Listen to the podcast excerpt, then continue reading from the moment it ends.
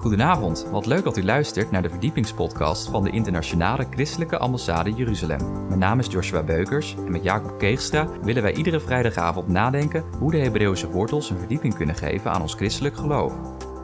In deze aflevering gaan wij het hebben over de parasha, of bijbelrooster, Kom. God zei tegen Mozes, kom naar de farao. Wij wensen u veel luisterplezier. De alef in de bed. Dus het is maar een klein woord, maar met een grote impact. Ik ehm, ben net terug uit Israël. Met 150 voorgangers waren we daar een week op studie. En dan kom je op een gegeven moment ook op uh, een, een, excursie op de plek Shiloh. En dat is de plek waar bijna 400 jaar de ark en de tabernakel heeft gestaan. En u weet, de tabernakel is verwoest. En die plek is gewoon kale heuvel. Maar is wel de plek precies tussen Bethel en Ai. Waar Abraham al veel eerder dan Jozua een eerste altaar oprichtte. Tussen Bethel en Ai. Als je de namen van Bethel en Ai in het Hebreeuws ziet in de getalswaarde, als je die van elkaar aftrekt, kom je precies in het midden uit op een getal 356 van Messias. Dus God heeft iets met die plek. Ik zal er straks nog iets meer over vertellen, want uh, wat uh, Cornelia en Jan hebben gedeeld, dat triggert mij. Maar eerst iets over Bo. Een van de kortste woordjes in de Bijbel. Kom. Het is een paar jaar geleden was ik met een groep op het Loofhuttenfeest in Israël. En toen hadden we nog na het feest een paar dagen extra. En precies tijdens uh, Simchat Torah hadden we een vergadering. Nou, dat doen we nou al lang niet meer. Maar toen waren natuurlijk al die mensen uit al die honderd landen waren daar. Dus we dachten als christelijke oké, we hebben op die Shabbat toch ook een korte vergadering. Dus ik had mijn groep naar de grote synagoge eh, gestuurd. En uh, toen ik snel naar die vergadering. Ik dacht dat het vroeg zou beginnen, maar duurde even. Rustig aan. Dus ik ging tegenover het gebouw van de ambassade. Is, net tegenover is een uh, parkje. Dus ik ging daar gewoon even zitten. Gewoon wachten tot de poort open ging. En ik hoor allemaal mooie muziek. Ik denk, vast een synagoge. Dus ik denk, ik daarheen. En dat was, schrik niet, een zeer, zeer, zeer orthodoxe synagoge. Van Russische Joden. En die spraken geen woord Nederlands en geen woord Engels. Maar ik denk, als ik op Simchat Torah niet welkom ben, dan ben ik nooit welkom. Want Simchat Torah is toch de dag dat juist Jood en niet-Jood voor de aangezicht van de Heer mag verschijnen. Dus ik denk, jongens, we gaan. Bo. Maar nou komt hij. Als ogen kunnen, nou ja, doorboren. Ik zo, oh. Maar ik denk, ik blijf, hè. Bo. Op een gegeven moment, de bima stond in het midden van, de, van die zaal. En op een gegeven moment komt de rabbijn, klein mannetje, was ook al dik in de tachtig, maar vooruit, met de Torahrol. En die komt om de bima. Ja. En op een gegeven moment ziet hij mij. Wat gebeurt er? Hij zegt, Bo, Ineens draaide de atmosfeer in die zaal om. Toen zei de rest ook van, bo. Dus ik achter die mannen drie keer rond bima, je kent het wel. Ik denk, nou, het is hun feestje, ik een beetje aan de kant. Hè? Je moet die plek kennen. Nou, daarna was het ook die vergadering. Prima, hartstikke goed. Ik vertel tegen de leiders daar van de christelijke ambassade. Ik ben net in die synagoge geweest. Ze keken mij aan. Dat jij dat durft, ja, wist ik veel. Want die zeer orthodoxe Russische, bijna Chabad-club, die vond dat niks, dat de Notserim, christenen, daar tegenover hun uh, zaten. Dus die hadden de, nogal wat graffiti gebruikt. Maar ik was daar welkom. Een jaar later, ik was weer met een groep op het Loofhuttenfeest. Ik zeg, jongens, we gaan naar die gemeente. Dus hartstikke ik denk, rustig aan hè. Je moet soms ook een beetje wijs zijn. Dus hij zei tegen de mannen, kom even mee. Voor de dames was een ander programma, helemaal goed, mannen mee. Dus ik was dan met een man of tien, hè? eigen Mirjam. Dus in hier. En Warempel, een van die mensen, herkende mij. Van vorig jaar. Ik denk, nou, dus hij zei niet van, nou, uh, wat moet je hier? Nee, hij zei, Bo, dat weer, kom. Dus, huppatee, dus was ik al met z'n tienen. Een jaar later nam ik de hele groep mee. Tuurlijk, de uh, dames moesten dan boven, je snapt hoe dat dan gaat. Maar we waren met z'n allen welkom en na afloop maaltijd. Mensen, wat ik hiermee zeggen wil, ik heb uit eigen hand ervaren, het duurt soms even, maar volhouden. En als we het hebben over Bo, kom, eigenlijk zegt God, kom eerst bij mij. Zegt hij tegen Mozes en Aaron, maar ik zend jou naar die farao. Nou, dat was geen pretje. Want die hadden al zeven keer ervaring van, ja, we doen wat. En die farao ziet dat. En die zegt, maar ik laat je toch lekker niet gaan. Zeven keer dat God na een teken, een van de plagen heet in het Hebreeuws ot. Ook weer zo'n kort woordje. Een teken. Wij zien het als een plaag, want het was negatief voor Israël. Maar het was voor God een profetisch teken. En daar wil ik graag met u over nadenken. Want God geeft ook vandaag tekenen.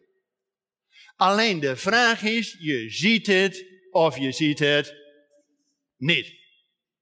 En daar heb je de Ruach de openbaring van God voor nodig. Vanaf die zeven tekenen dat God na afloop het hart van Farao verhardt. Maar zeven is ook het getal van de volheid. Dus na zeven komt er een andere plaat op. Vanaf plaag 8, die we nu gelezen hebben, gaat God van tevoren het hart van Farao al verharden. Toen ik dat vroeger las, dacht ik, nou dat is ook niet eerlijk hè. Is toch ook niet eerlijk? Dat God van tevoren al het hart verhard heeft, daar kon die man toch ook niks anders? Maar hij heeft een volledige volheid zeven keer de kans gehad. En nou gaat God acht, u kent met Hebreeuwse oren, acht is natuurlijk nieuw begin, dat vanuit Gods perspectief iets gebeurt.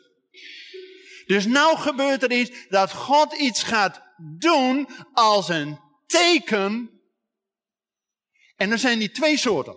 Uit de Torah hebben we gelezen, dit gedeelte, Exodus, achtste plaag, dat God als teken voor Egypte, nee, God gaat iets doen voor Egypte, als teken voor Israël. En wat gaat God dan doen? Dat God de Heer is. Want moet je nagaan, Israël had bijna 400 jaar daar ook in Egypte gebivakkeerd. Wisten zij veel wie God was? Maar door die tekenen liet God zien dat hij te vertrouwen is. Dus dat God iets aan de wereld, in dit geval aan Egypte doet, is een teken voor Israël. Drie keer. De achtste, de negende en vooral de tiende. En de tiende plaag, de tiende teken, en dat lezen we ook in die profetenlezing van Jeremia, dat God iets aan die goden gaat doen van Egypte. Die afgoden. Afgod no. Nou jongens, het is no-no, het wordt bo. Heel simpel. Dus de, de preek je eenvoudig onthouden. Het is no, no, het is bo. Kom bij de Heer. Maar betekent die tiende plaag, want dan is pas dat Farao niks anders kan. Want Farao dacht ook dat hij zelf God was. En zijn zoon die goddelijke lijn. Nou, als die zoon dood is, is de goddelijke lijn finito. Dat was het ultieme. De rest was nog om hem heen. Al die vliegende steekpesten, bloed, weet ik wat. Maar die tiende was aan hemzelf. Zie je? Soms moet God ook iets aan jezelf doen voordat hij het wil geloven. Ik weet niet hoe het bij u zit, maar bij mij wel. Nou, gaan we naar die, dat gedeelte uit Jeremia, waar we gelezen hebben. Daar staat dat God nog één stap verder met Israël afrekent. En zelfs met alle heidenvolken gaat afrekenen. Zo. Nou, dat is uh, stevige kost. Laten we nog één woord van hoop daartussen plaatsen. Voordat God volledig afrekent met die heidenvolken. Ik lees met u Ezekiel 36. Ezekiel 36. En dan vanaf vers 22. Dus eigenlijk de paralleltekst, maar goed, iets andere intonatie. Ezekiel 36, vers 22. Zeg daarom tegen het huis van Israël. Zo zegt de Heere Heere. Ik doe het niet om u, huis van Israël, maar om mijn heilige naam. Die u ontheiligd hebt onder de heidevolken waarheen u gegaan bent. Ik zal mijn grote naam heiligen. Die u onder de heidevolken ontheiligd hebt, die u in hun midden ontheiligd hebt. Dan zullen de heidenvolken weten dat ik de Heere ben.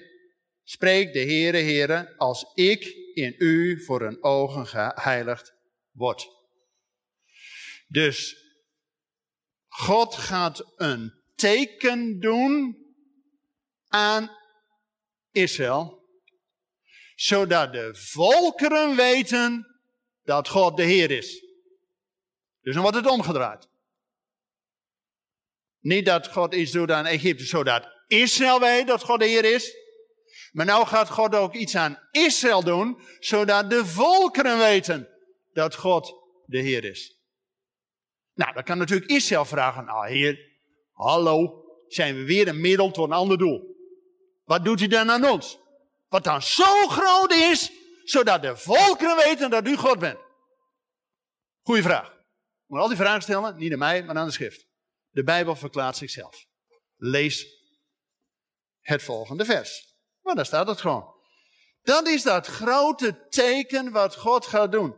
Ik zal u uit de heidenvolken halen en u uit alle landen bijeenbrengen, dan zal ik u naar uw land brengen.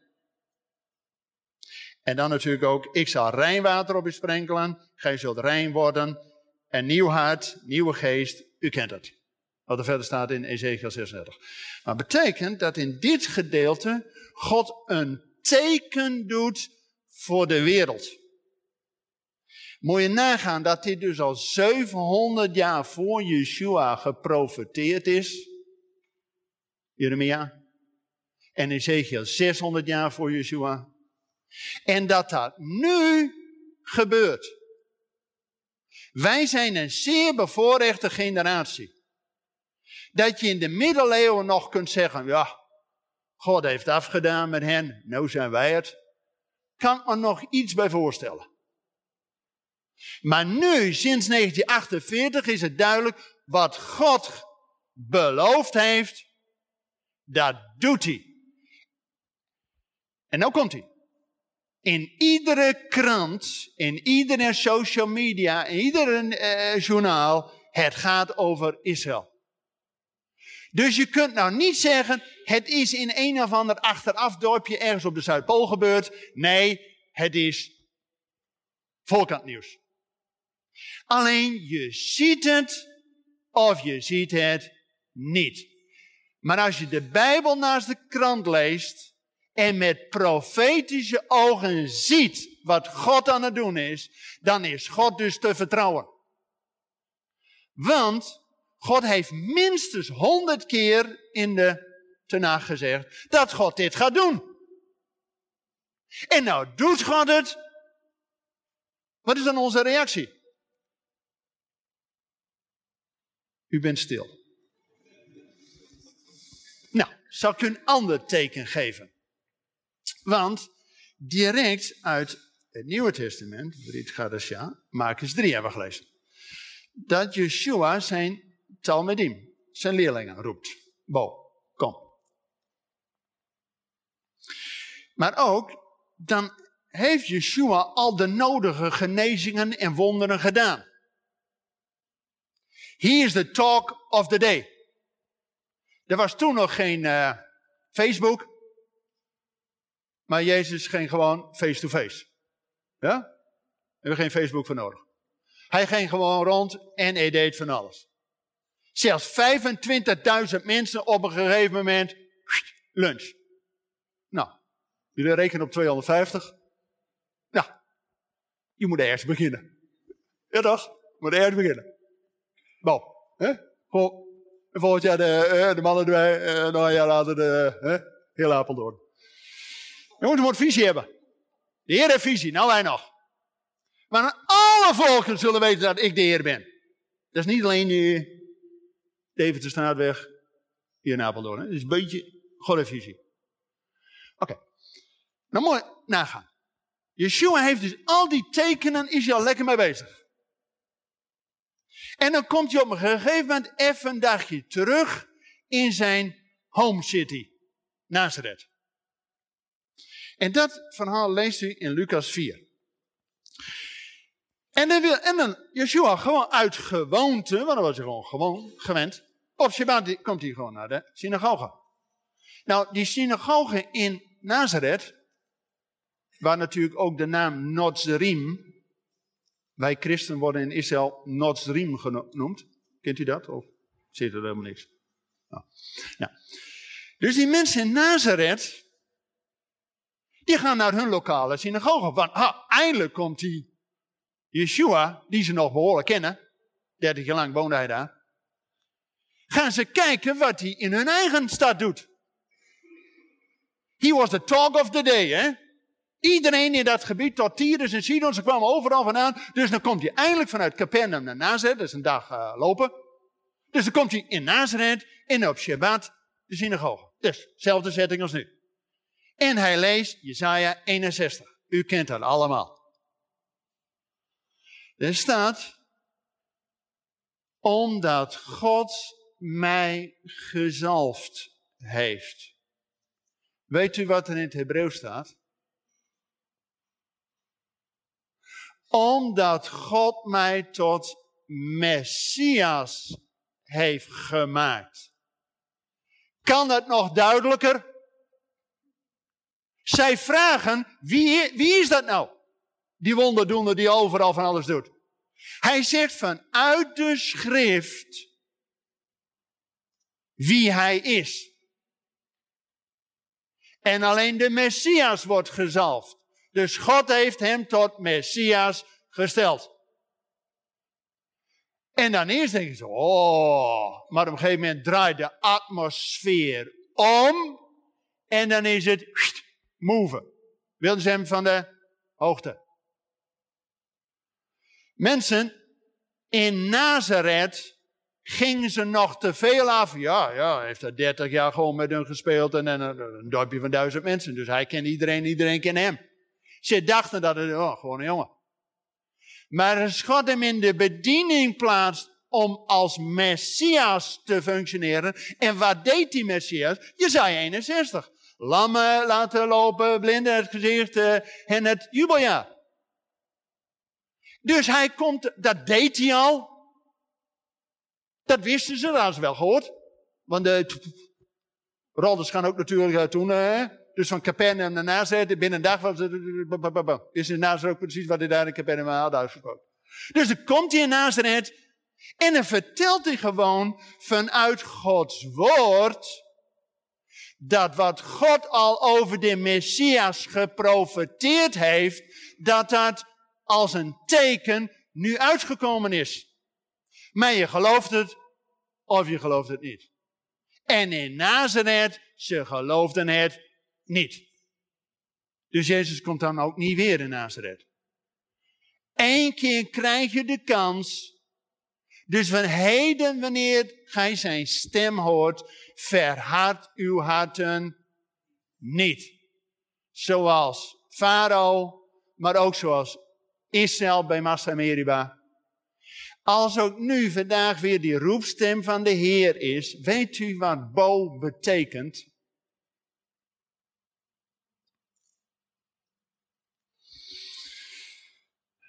Kijk, dat zijn de eerste twee lettertjes, hè?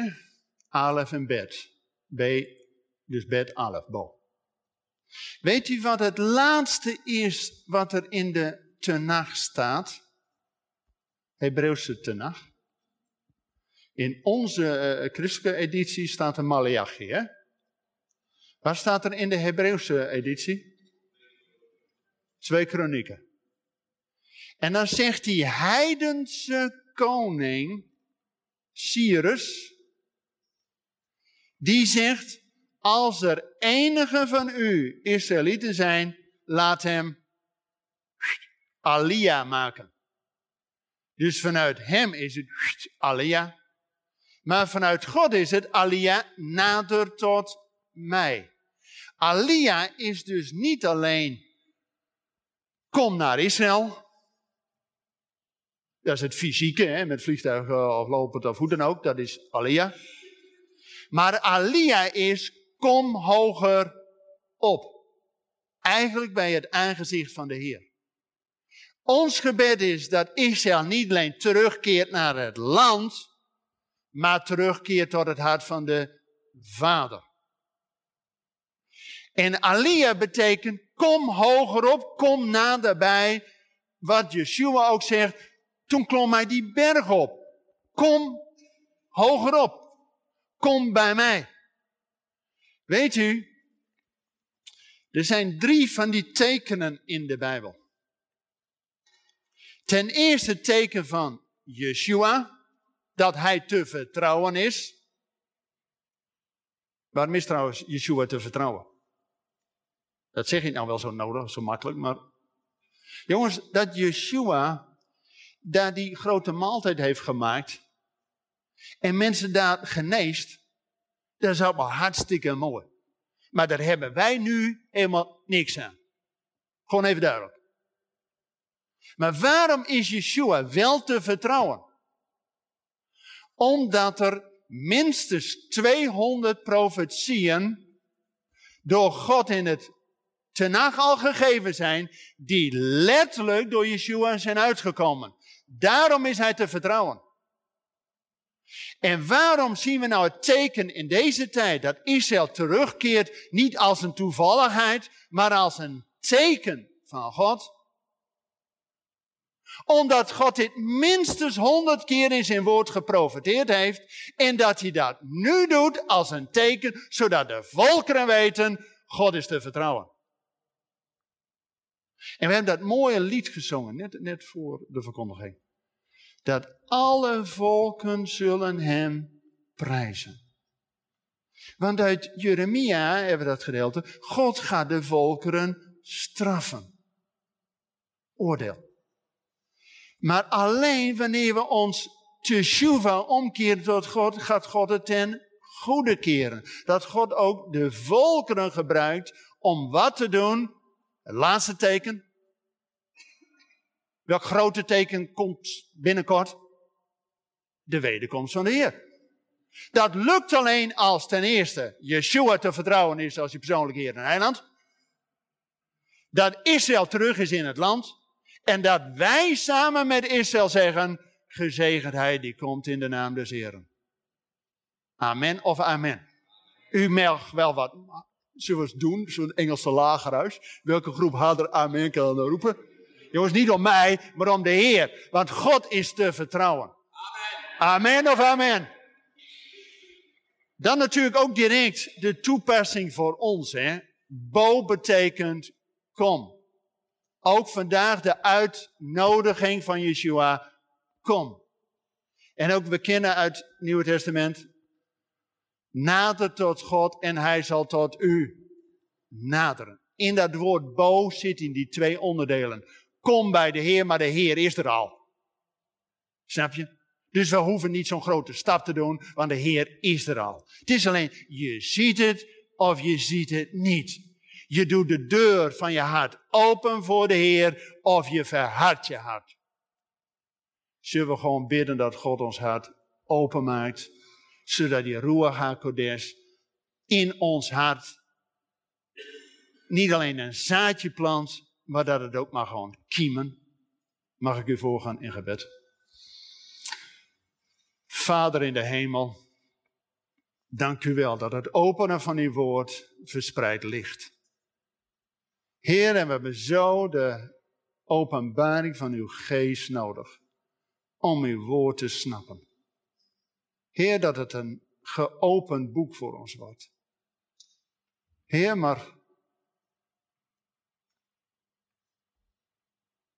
u bent een heilige God. En we leven zelf vaak zo onheilig. Heer, dat u aan de deuren van ons hart klopt. Dat u ons reinigt, Heer, door het bloed van Yeshua. Heer, dat we ook onze zonden bij u brengen. Heer, dat u verzoening over ons doet. Kapara. Heer, dat we door de volbrachte werk van Yeshua tot het hart van de Vader mogen komen. Heer, om ook hulp te krijgen wanneer we het nodig hebben in ons dagelijks leven. Heer, we hebben het zo nodig dat u ons leidt. Ons het fundament geeft dat u te vertrouwen bent. Heer, dat u door uw geest voor ons uittrekt. Heer, dat u al de dingen voorbereidt waarin we mogen wandelen dat u voor ons strijdt en wij zullen stil zijn. Heer, dat u ons wilt gebruiken, Heer, als een licht ook in deze regio. Heer, maar dat we niet zo doen als een farao. Dat we alles zien wat er gebeurt, maar eigenlijk ons hart dicht zetten en verharden. Heer, maar u bent een genadige God. U wilt iedere Shabbat weer aan de deur van ons hart kloppen. En Vader, dat we dat openen, dat u ons vult met uw Heilige Geest. Zodat we u mogen loven en prijzen. Dat u de schepper bent van hemel en aarde. En dat u ons leven ja, op die eeuwige weg zet. Heer, wat dit kerkgebouw een voorbeeld van is. Heer, dat we op uw eeuwige weg mogen zijn. Zegent u ons, Heer, om tot een zegen te zijn. In de naam van Yeshua, onze Heer. Amen. Amen. Of dat we nog. Uh... Nou krijgen we het mooiste deel. Mag ik alvast met de, met de vraag van uh, Cornelia en Jan beginnen? Kunt u nog even nadenken? Ik was daar in Shiloh, in het hartland. Mooi met een gepantserde bus naartoe. Hè? Je kent het allemaal wel. Maar weet u, dat is het gebied van Ephraim. De Bijbel zegt, wanneer de stam Ephraim terugkeert op de berg van Ephraim, dan zal God de Filistijnen wegwaarts op het nek vliegen. We hebben natuurlijk gezien een periode dat Israël ook in die Gazastrook van alles had. En daar 7000 Joden weer heeft uit ontworteld. Blijkbaar was het de tijd nog niet. Ook nu in dat gebied, in het Hartland, een positief punt. U kent de profetie uit Jesaja 19.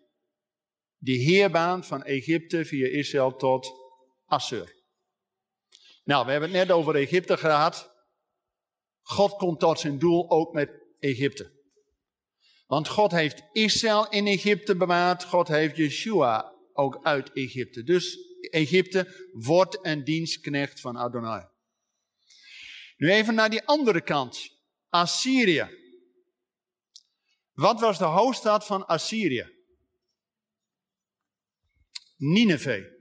Dat heet nu Mosul. Nou, dat lezen we alle dagen in de krant. Nooit van gehoord, maar de laatste paar jaar ineens wel. Wist u dat in 1948, toen de staat Israël ontstond, dat direct de dag daarna vijf Arabische landen uh, uh, oorlog tegen Israël gingen voeren, dat er 700.000 Joden uit het gebied van Mosul, Nineveh, moesten vluchten, alles achterlaten, veegelijf redden om naar Israël te gaan. Toen werd dat gebied Judenrein. Om maar eventjes het woord te gebruiken, dan weten we tenminste waar we het over hebben. Maar de Bijbel zegt, eerst Israël, maar dan ook de volken. Romein 1 vers 16.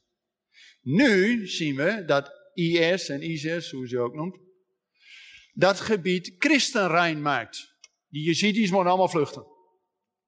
Er gaan nu met name die Galdeese kerken en de Syrisch-orthodoxe kerken zijn allemaal weggevlucht.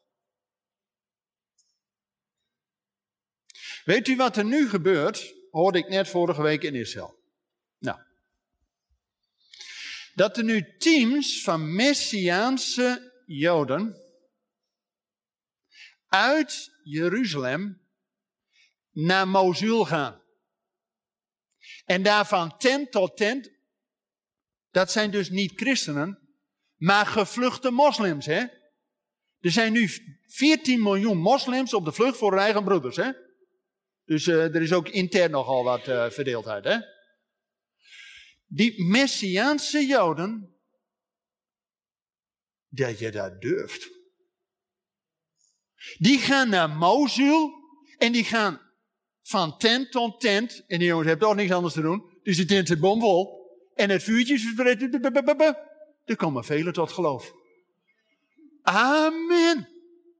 En dat zijn dus niet die Galdese christen die er al 2000 jaar zitten. Die zijn weg. Maar dat zijn nu moslims die tot geloof komen. En direct liefde voor Israël krijgen. Want als je Psalm 122 leest, zeggen ze niet, mag dat wel van Luther? Wat zul je, Calvijn? Nee, er staat, bid voor de vrede van Jeruzalem. Ze dat. Dus ik heb alle hoop dat Jezaja 19 spoedig in vervulling komt. En dan zal ook Israël wat groter worden. Maar God heeft visie, hè? Niet tot de Jordaan, maar tot aan Euveren toe. Hartstikke idee. Amen. Nou, nou zijn er natuurlijk geen vragen meer, want uh, alles is opgelost. Ja. ja. Nee, Ephraim is er nog niet. Ja, dat zijn nog een van die tien uh, verloren. Nou, niet verloren, maar bij de Heer bekend. Maar op Gods tijd komt het. Ja. Aansluiten op uh, wat net gezegd is. Uh, je ziet het leed van, de, van het Joodse volk. Um, je gelooft in wat in het woord staat. Hoe ga je om met dat leed? Sorry, ik zag eerst niet waar je zat. Dus uh, ik heb de ja, vraag je, half... Je ziet het leed van het Joodse volk. Ja. En hoe ga je om met dat leed wat ze nu hebben? Ja, nou ja, aan één kant, het grote leed, de holocaust, is voorbij. En dan lees ik Psalm 102, de holocaustpsalm. Wij eten as als brood mijn dagen zijn langgerekt en geween. En dan staat er, her set time has come to favor Zion. Gods wel aangename tijd is aangebroken om Sion genadig te zijn. En dat is 1948. En inmiddels 1967 dat Jeruzalem weer. God gaat zijn volk verder aan elkaar smeden. En als we nou zien, dat vind ik echt een hoopvol teken op het Lofuttefeest afgelopen jaar, dat de minister van Onderwijs zegt, we gaan 3 miljard shekel investeren in Bijbels onderwijs. Waarom? Zodat Israël de wereld niet alleen zegent met Jaffa-sinaasappelen, dat hebben ze vanaf 1948 gedaan, ook niet alleen zegend met een smartphone en een USB-stick en uh, Intel-chips, want die worden nu uh, in Israël uh, geproduceerd. Maar Israël, hun fundament is, de enige reden waarom ze daar zijn, is om de wereld te zegenen. Met aanwezigheid van de Almachtige. En daar gaat God eerst zijn volk te herstellen, maar ook als een teken voor ons dat we zien wat God aan het doen is. En dat staat er in Psalm 102. Dit wordt bekendgemaakt aan de laatste generatie. Bij ons in de MBG keurig wegvertaald de volgende generatie, maar daar staat door Acheron. Met andere woorden, de laatste generatie. Dus wij leven in spannende tijden. Dat teken 1, Yeshua is hier. Teken 2, dat Israël terug is in het land. En teken 3, dat Yeshua spoedig weer komt. Die volgen snel op elkaar. Dus de vraag is niet, moet Israël nog door een hoop lijden heen? Ja, Jeremia 36 eh, hebben we gelezen. God gaat ook Israël tuchtigen om tot bij de les te komen. Maar God gaat eerder de volkeren oordelen als ze niet het teken zien en daarop responderen. Dus God komt tot zijn doel met zijn volk, maar komt God ook tot zijn doel met de Nederlanders? Dat vind ik een veel grotere vraag. Um, Jacob, uh, dat God zegt van ik zal de vervallen tent van, van David weer oprichten. Heeft dat met dat Ephraim te maken, die plaats uh, waar de tempeltabernakel gestaan heeft? Nou, dat is niet alleen Ephraim. Doet u nog? Ja.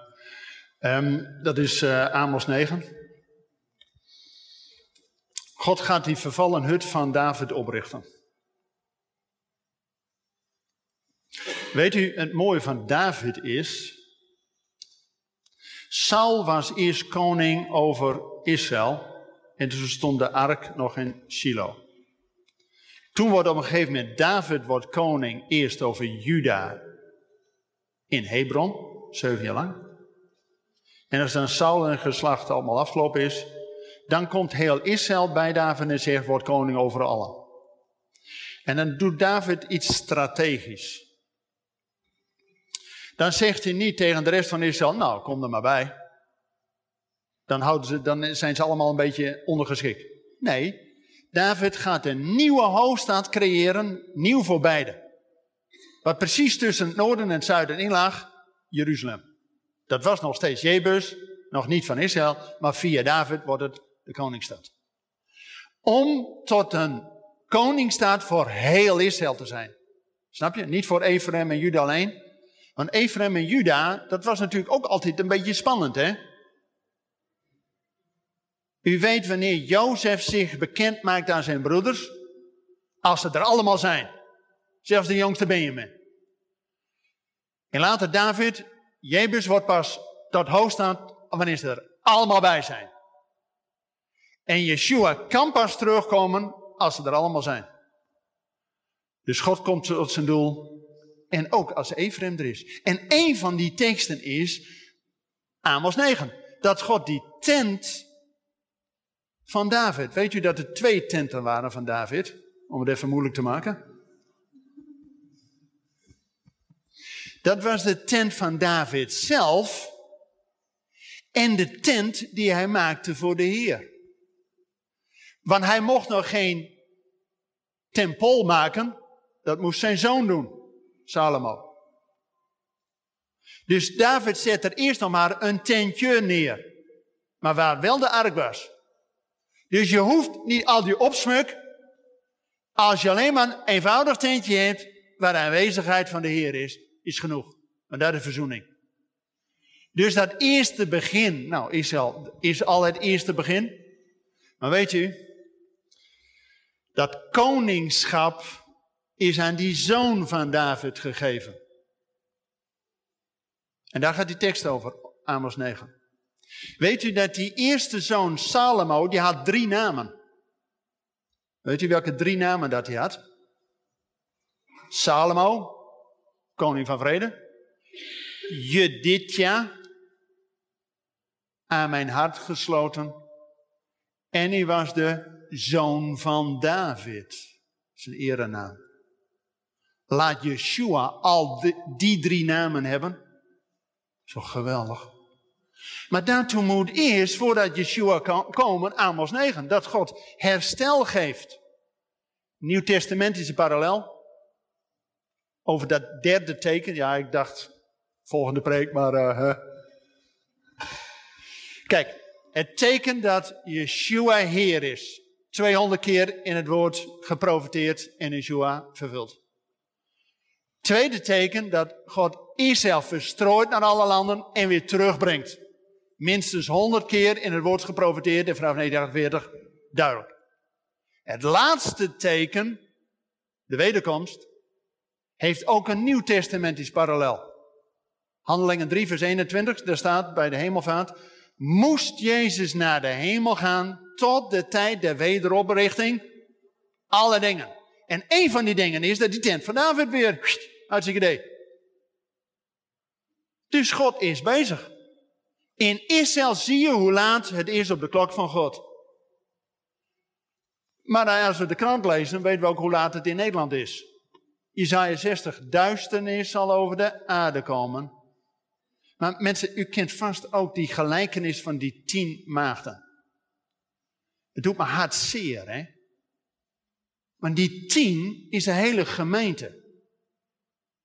En als je de wake-up call krijgt vanaf van Bo, kom, de helft slaapt, hè? Dat we zeggen, ja, die wordt wakker, maar die heeft niks. Nou, dan is het afgelopen. Jongens, er gaat nog een oordeel over het huis van God. De bij ligt aan de wortel van de boom, zegt de schrift. Dus als God iets in Israël doet, wat doen wij? Komen we bij het woord van de Heer, dat we samen met Hem uitzien naar die grote dag, of zeggen we, nou, kan morgen ook wel, joh. Je ziet het of je ziet het niet. Nou, dat is, daar gaat het over. Dat is een scheidslijn. Misschien loopt de scheidslijn wel hier. Ik weet niet wie, wie daar zit, wie daar zit. Uh, daar ga je gelukkig niet over. Dus de wereld al even. ja, ja, Bo hè. Bo, kom en dan zeg je ook, Bo. Nou, dan wordt het tijd dat we naar de koffie gaan. Bedankt voor het luisteren naar deze verdiepingspodcast van de ICEJ. Waardeert u onze podcast? Steun ons dan met een donatie, abonneer u of deel deze podcast met uw vrienden of familie. Ga naar www.icej.nl. Volgende week gaan wij het hebben over de parasha, of leesrooster. God laat zijn volk gaan uit Egypte, uit Exodus 13. Hartelijk bedankt voor het luisteren en tot volgende week.